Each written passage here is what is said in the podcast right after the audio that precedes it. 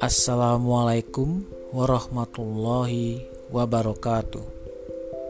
Selamat datang di episode terbaru Coaching with Hafzan. Syukur alhamdulillah tahun 2021 akan segera berakhir. Dan beberapa hari lagi kita akan memasuki tahun baru yaitu tahun 2022. Tahun 2021 adalah tahun yang penuh dinamika karena masih diliputi adanya pandemi COVID-19. Namun juga diwarnai dengan pencapaian luar biasa putra-putri negeri kita khususnya dalam bidang olahraga perhatian saya kali ini adalah kesehatan mental, di mana efek terbesar pandemi menurut saya adalah pada kesehatan mental. Nah, setelah mendengarkan ya.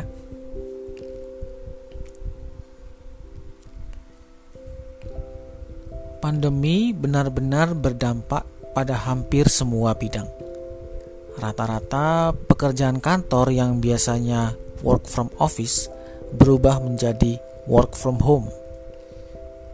Sebenarnya hal ini sudah terbiasa sejak tahun 2020 ketika pandemi dimulai.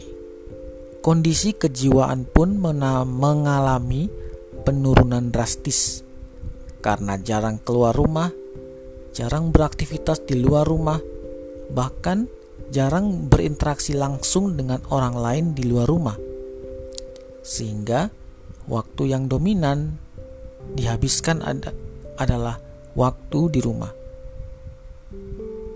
Bekerja dengan menggunakan ruangan khusus kerja daring atau online. Biasanya yang paling banyak dipakai adalah kamar tidur, sehingga kamar tidur yang mungkin awalnya berantakan dan tidak teratur berubah menjadi sangat rapi sekali, atau paling tidak terlihat rapi. Zona nyaman pun seluas kamar tidur. Aktivitas sehari-hari adalah duduk di depan gadget atau PC atau laptop yang menggunakan koneksi internet lewat WiFi rumah atau handphone yang menggunakan koneksi internet dan bisa disambungkan ke PC atau laptop laptop lewat Wi-Fi receiver. Kerja kantoran di rumah atau bahkan bagi para mahasiswa atau pelajar yang belajar daring di rumah pelan tapi pasti menyebabkan penumpukan kegelisahan atau bahkan ketidaknyamanan secara mental mau keluar rumah tapi mudah terkena virus. Sehingga komunikasi yang aman dan sehat paling baik adalah lewat aplikasi media sosial.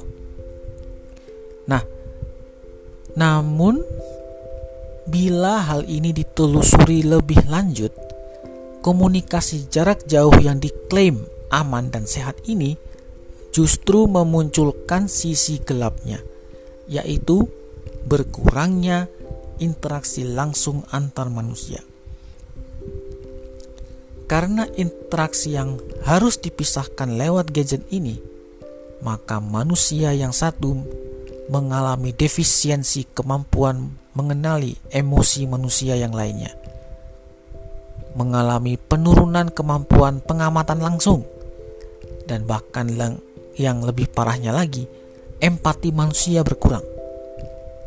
Perlu diketahui bahwa manusia punya hak ingin ingin didengarkan pikirannya, perasaannya, dan bahkan impian-impiannya.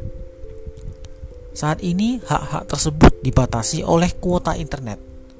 Bahkan waktu online pun turut membelenggu kebebasan seperti ini.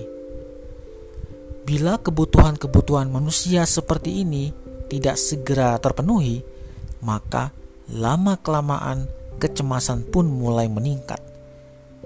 Bahkan bisa saja memicu ketidakstabilan mental yang mungkin berujung pada stres atau parahnya depresi.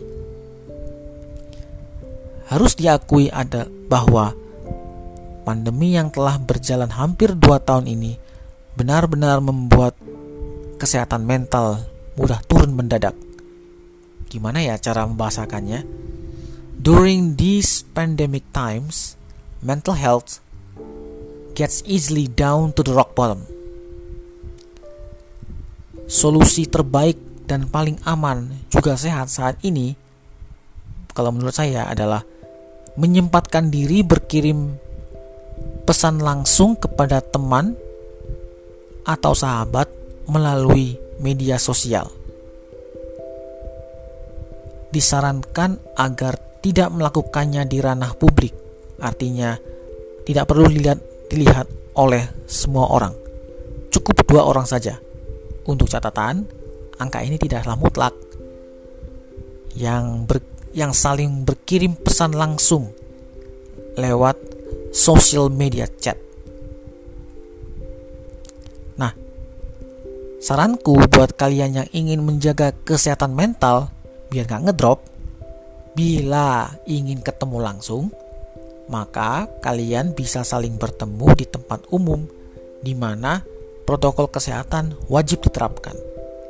Jangan lupa pakai masker ya kalau keluar rumah.